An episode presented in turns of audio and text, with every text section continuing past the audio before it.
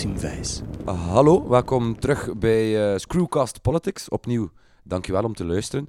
Uh, ondertussen hebben we ontdekt wie de ene luisteraar uit Indonesië is. Uh, en hebben we ook gemerkt dat hij nog niet naar de tweede aflevering heeft geluisterd. Dus graag toch eens beluisteren.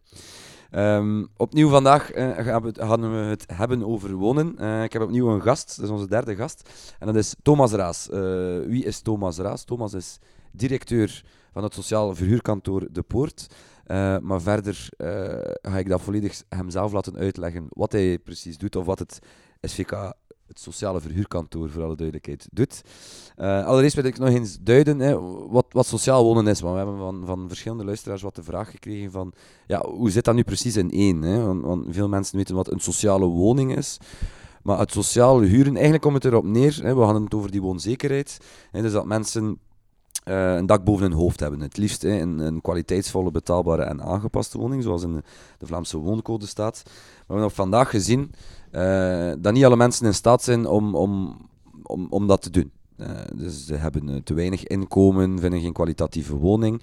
Dus is er ooit, meer dan 100 jaar geleden, dit, in oktober is het 100 jaar sociaal wonen in, in, in ons land, ooit beslist dat de overheid moet tussenkomen om dat recht te garanderen voor mensen. De situatie daarvoor was ja, dat was echt schrijnend. Dan had je echt de oude arbeiderswijken waar dat het echt uh, ja, miserietroef was. Hè. Um, en in welke omstandigheden ook de socialisten zijn ontstaan. Dus, dus, voor de beweging is het ook een, heel belangrijk aspect. Nu, een sociale woning is niet anders dan een gewone woning. Het enige dat er anders aan is, is, dat ze, is de manier waarop ze verhuurd wordt. Hè, dus dat is een lager tarief dan dat je op de markt betaalt.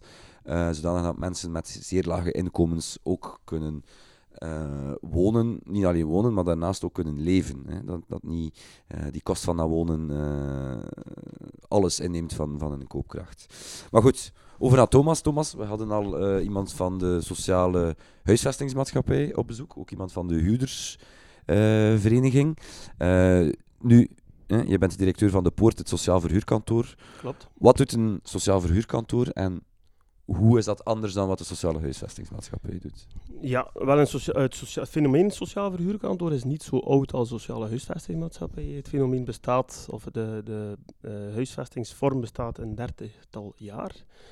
Ja, uh, het is ontstaan vanuit verschillende welzijnsorganisaties. Hier ook in Kortrijk, vanuit het OCME van Kortrijk, zag men de nood aan uh, betaalbare woningen. Men zag de lange wachtlijsten van de sociale huisvestingsmaatschappijen. En uh, men zocht naar alternatieven om ehm, mensen ook een betaalbare woning te geven.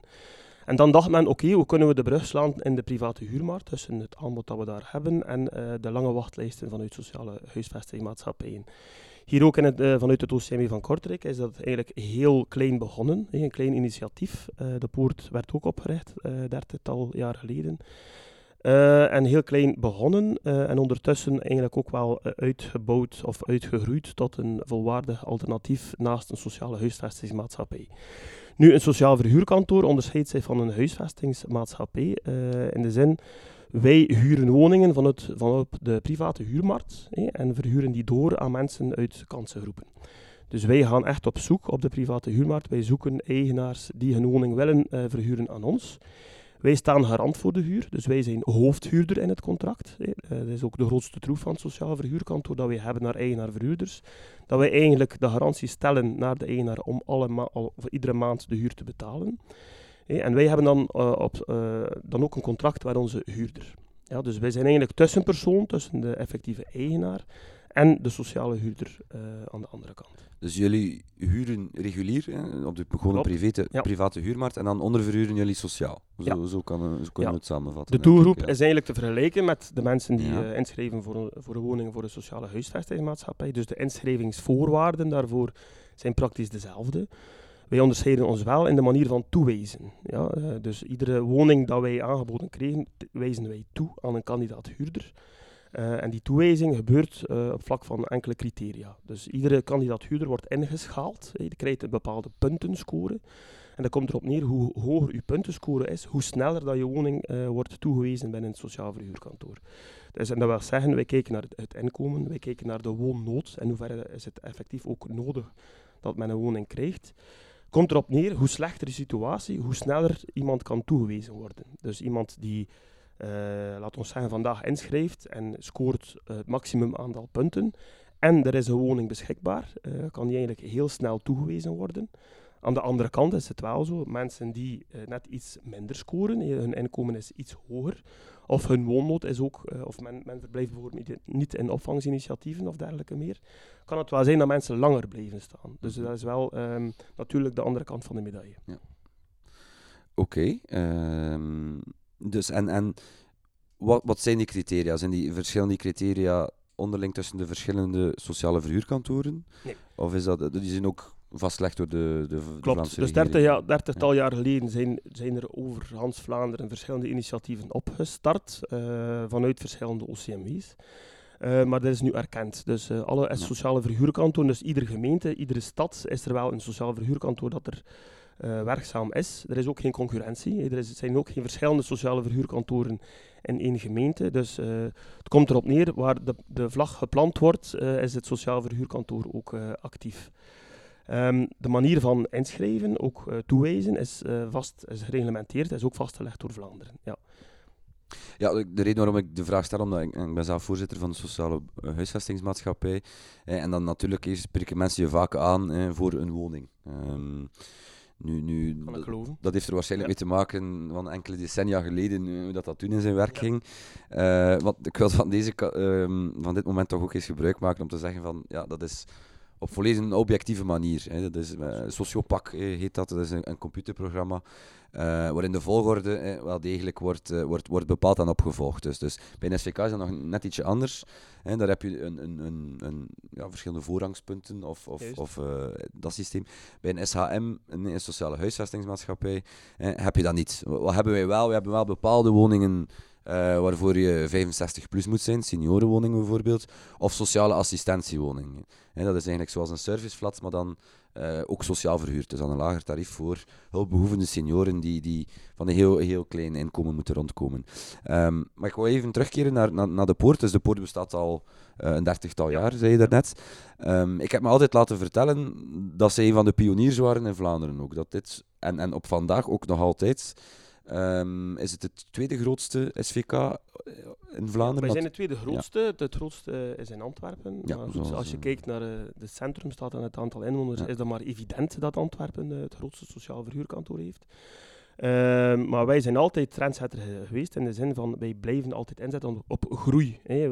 Wij hebben een samenwerkings samenwerkingsovereenkomsten met onze lokale besturen die ook uh, maken dat we ieder jaar ook telkens groeien. Hè. Um, daar zijn we echt wat trendsetter in in Vlaanderen. Als je weet dat een gemiddeld SVK of sociaal verhuurkantoor 150 woningen heeft, wij hebben er bijna 600.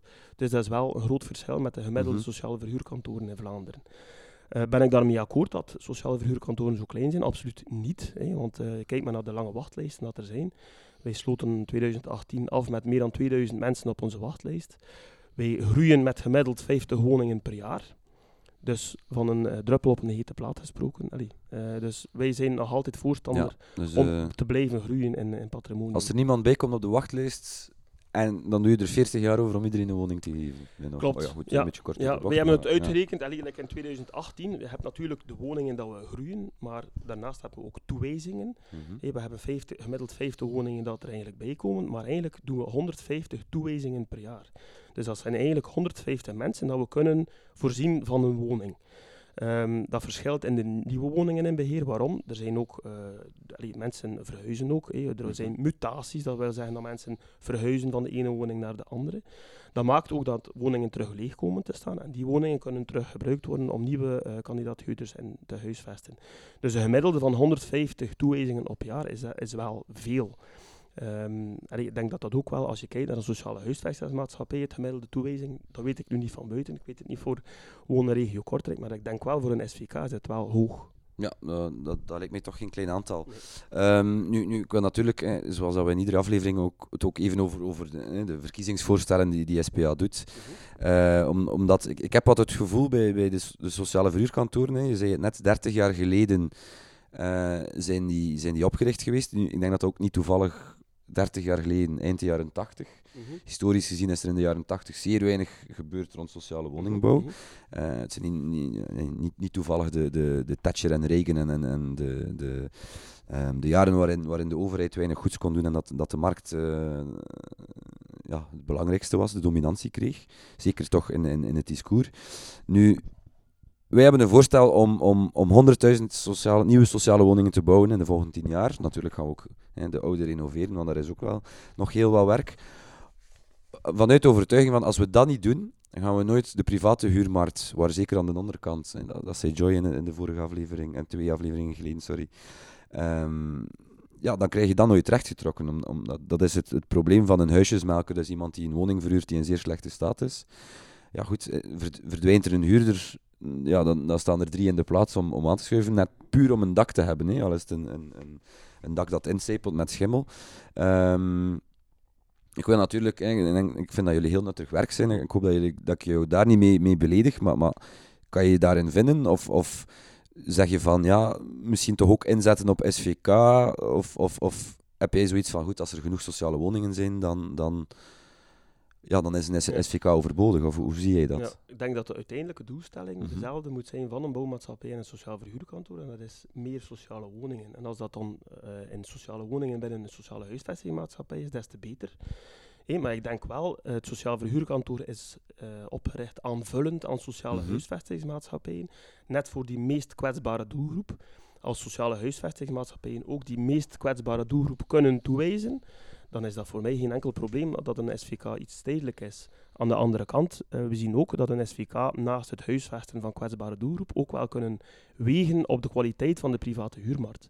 Er zijn verschillende incentives dat, dat, dat ervoor zorgen dat eigenaar-verhuurders uh, investeren in hun woning, om die dan op een betaalbare en duurzame manier te verhuren via een sociaal verhuurkantoor. Dus het is niet enkel voor die doelgroep van de kwetsbare, uh, kwetsbare huurders dat het sociaal verhuurkantoor goed is. Wij kunnen ook wel op die manier wegen op kwaliteit van de private huurmarkt. Oké, nu, nu komen we naadloos via dit bruggetje naar het tweede thema dat ik graag met jou aanhalen. En dat is natuurlijk die, die, die kwaliteit van de private huurmarkt. We hebben dit gezien uh, bij Joy Verstichelen. Eén op de twee woningen, ja, 47 procent, dat, is, dat is de helft. Één op de twee woningen op de private huurmarkt is, is niet in orde. Hè. Dus is minstens ongeschikt. Uh, dat gebeurt via een puntensysteem als de wooncontrole er is. Dat is heel technisch, maar goed, boven een bepaald puntenaantal ben je ongeschikt. En als het echt erg is, dan is het uh, onbewoonbaar. Ongeschikt betekent dat je de woning nog niet meteen moet verlaten. Onbewoonbaar betekent effectief van je moet ASAP, een andere as soon as possible, een andere woning zoeken. Uh, wat doen jullie voor de kwaliteit? Uh, we hebben daar ook natuurlijk een voorstel over, maar goed, daar, daar kunnen we straks over hebben. Maar hoe, hoe, pakken jullie dat aan? Wat, wat, bieden jullie aan aan de eigenaar, neem ik aan, rond, rond die renovaties? Ja, wel, het is zo, jammer genoeg, of spijtig genoeg, is het nog altijd geen kernopdracht vanuit Vlaanderen om uh, voor een SVK om aan renovatiebegeleiding te doen.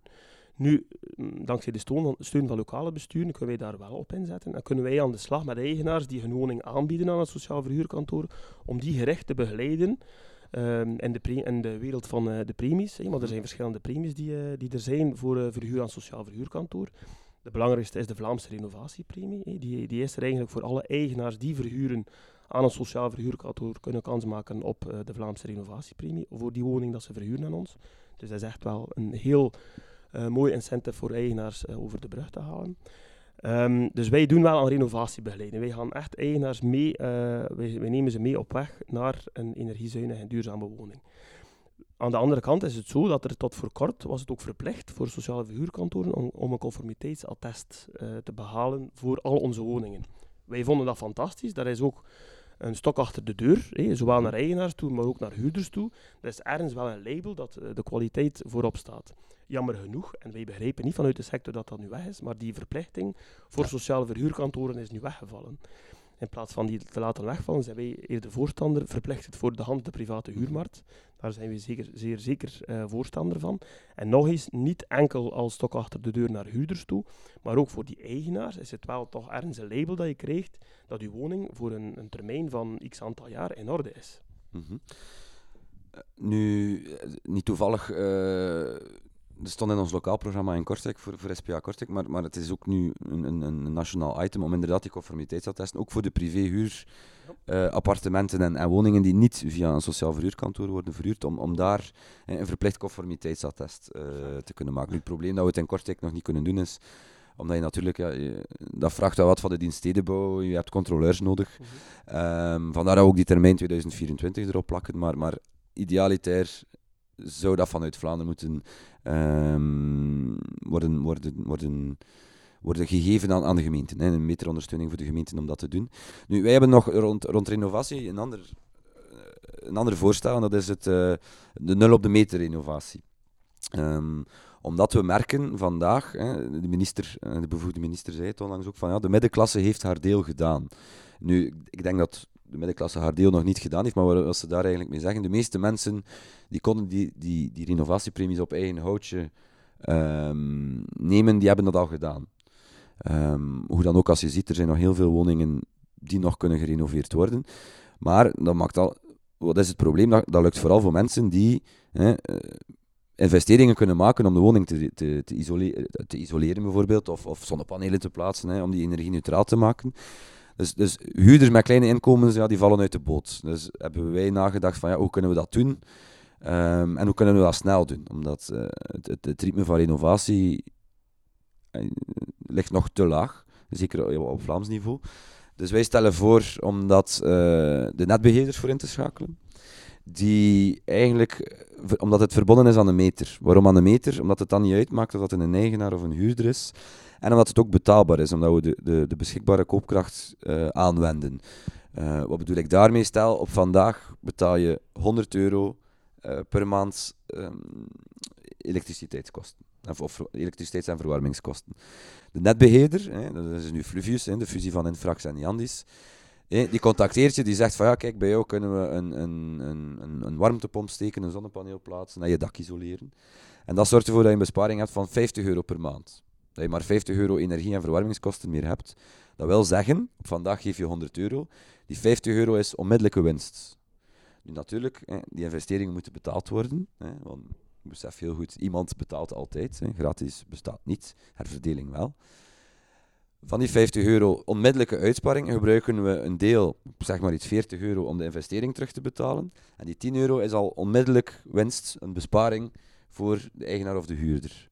En we zorgen met de overheid dat er werkingskosten en een rentesubsidie is voor, voor de netbeheerder, zodanig dat hij er ook baat bij heeft van dat te doen. Ehm, op die manier denken wij dat wij eh 150.000 woningen per jaar zouden kunnen renoveren om tegen 2035 ehm, alle woningen in Vlaanderen energie-neutraal te krijgen. Nu, nu wou ik graag eens jouw mening horen daarover, omdat dat is natuurlijk een voorstel, het staat op papier, papier is gewillig. Ehm, denk je dat dat haalbaar is? Denk je dat dat te doen is? Ehm, we hebben al dikwijls de discussie gevoerd van wie, wie draagt eigenlijk de kost van de renovatie. En zeker in de huurmarkt vinden we absoluut niet dat die, dat die kost eh, op de kap van de huurder moet, eh, of dat de huurder die, die kost moet dragen. We zien dat nog altijd als eh, huur als iets tijdelijk. Dus alle investeringen in infrastructuur zien we eigenlijk graag gefinancierd door de eigenaar. Want dat is eigenlijk een opwaardering van zijn patrimonium. Dus eigenlijk, die investeringen die moeten gebeuren en ook de subsidies die er aan vasthangen, zouden eigenlijk voor die eigenaar moeten zijn. Binnen een sociaal verhuurkantoor is dat al zo, met die Vlaamse eh, renovatiepremie. Dus de huurder allee, betaalt daar eigenlijk niks op eh, voor comfort of winst aan comfort. En dat, vinden we, dat vind ik, dat, vind ik eh, dat dat eigenlijk ook geldt op de- voor, de- voor de rest van de private huurmarkt. Laat de huurder niet investeren in comfortwinst. Ehm, want die comfortwinst is ook relatief. We hebben het nu gezien met de, de minister. Die heeft nu eh, beslist om de huurprijs op te slaan voor huurders van sociale Ja. huisvesting, een maatschappij. Nu goed, het is ook, er zijn verschillende studies van. Oké, wat dat energiewinst slaat dat, eh, staat dat eh, eigenlijk gelijk aan eh, een hogere huurprijs. Wij, wij hebben toch wel onze bedenkingen Ja, daarbij. ja, ja. Wij hebben echt iets van, kijk, investeringen in energiezuinigheid is eigenlijk opwaardering van patrimonium en moet eigenlijk bij de eigenaar liggen en niet bij de huurder. Oké. Nu ben ik eventjes mijn draad kwijt, eh, maar dat, dat is niet erg. Dus gaan we over naar het volgende thema. Ehm, terug over de poort. Hè. Dus, dus we hebben het er al over gehad. Hè. Jullie, jullie ondersteunen, jullie huren panden op de privémarkt, ondersteunen die eigenaar om, om, om te renoveren. Ja. Hè. Dus dan dat ze alle premies waar ze recht op hebben ook kunnen Mhm. opvragen. maar dan werken jullie ook nog rond werk. Hè? Eh, Juist, de poort, ja. de, de, de slagzin of de ondertitel is wonen en werk. Ja. Ehm, wat doen jullie daar precies en, en waarover gaat het? Ja, ik denk dat we altijd de, de brug geslaan hebben tussen wonen en werk. We zien dat, allee, dat zit eh, verbonden in onze missie en onze visie, dat we eigenlijk die, dat we het wonen en werk als twee basisbehoeftes zien eh, van mensen en zeker van kansengroepen. Het begint met een woning en het begint met werk. En als we die samen kunnen eh, brengen, waarom niet? Ehm, eigenlijk, 30 jaar geleden bij de start van het sociaal verhuurkantoor, eh, was het ook wel duidelijk dat er andere taken naar boven kwamen dan puur het verhuur van woningen. Die beheerstaken kwamen ook wel duidelijk. Er waren schilderwerken die moesten gebeuren of gemene delen die moesten schoongemaakt worden. En dan hadden we de, het idee van, oké, kunnen we niet eh, de match maken met sociale tewerkstellingen? Kunnen we daar geen sociale tewerkstellingsinitiatief in gaan eh, laten werken? En dat, dat gebeurt nu ook al meer dan 25 jaar hé, via onze leerwerkplaats. Dat is een eh, gezamenlijk project van het OCMI Kortrijk en eh, De Poort, waar we eigenlijk mensen, leerwerknemers, eh, op pad sturen in het beheer en onderhoud van ons patrimonium. Dus eigenlijk worden ze ingeschakeld in het beheer, krijgen ze een heel realistische werkvloer op die manier. En worden ze ook ingeschakeld in het beheer van ons patrimonium.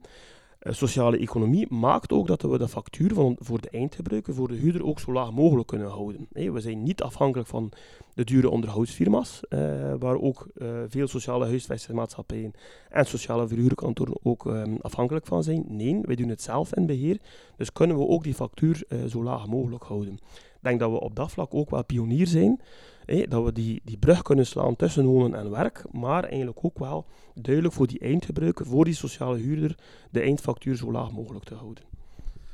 Oké, ehm, en, en zijn jullie dan, de andere SVK's doen die dat ook allemaal, of zijn jullie daar een beetje de Daar zijn de we echt wel uitzondering eh op- op de, op de regel. De meeste sociale, sociale verhuurkantoren zijn echt puur zo'n sociaal verhuurkantoor. Hé, en hebben niet die link met eh, die sociale tewerkstelling. Maar ik denk dat dat ook juist de suc- succes is van ons sociaal verhuurkantoor. Dat we ook zo ge- gegroeid zijn in al die jaren. Dat we steeds dat beheer in eigen, eh, in, in eigen huis hadden. Om, eh, om op die manier heel snel op de, op de bal te kunnen spelen. eh, herstellingen heel snel uit te voeren. Als er een woning leeg staat, ook die snel terug verhuur, verhuur klaar te maken. Dus we zijn eigenlijk ook minder afhankelijk van, eh, van externen. Oké, dus eh, je hoort het goed. Eh, wie wat inspiratie zoekt voor lokaal, sociaal en sociaal woonbeleid, kom gerust eens langs in Kortrijk. We, we kunnen je heel veel, heel veel tonen en, eh, en info geven. Ehm dankjewel voor je komst, Thomas. Ehm, en ik, ik hoop dat het, ja, de manier waarop het gebeurt, hè, dat, dat, dat dat lukt om, om die renovatie te doen, om, om naar die bijna energie-neutraliteit te gaan. Eh, omdat dat inderdaad eh, voor de huurders eh, goed uitkomt om een lagere factuur, maar het is ook een, een maatschappelijke winst, omdat de uitstoot verlaagt. Hè. En die, die, die klimaatuitdaging, daar, daar staan we voor en de woningen zijn daar een, een belangrijke sleutel toe. Ehm, dus hartelijk dank ook aan jou om te luisteren en alvast tot de volgende keer. Bye.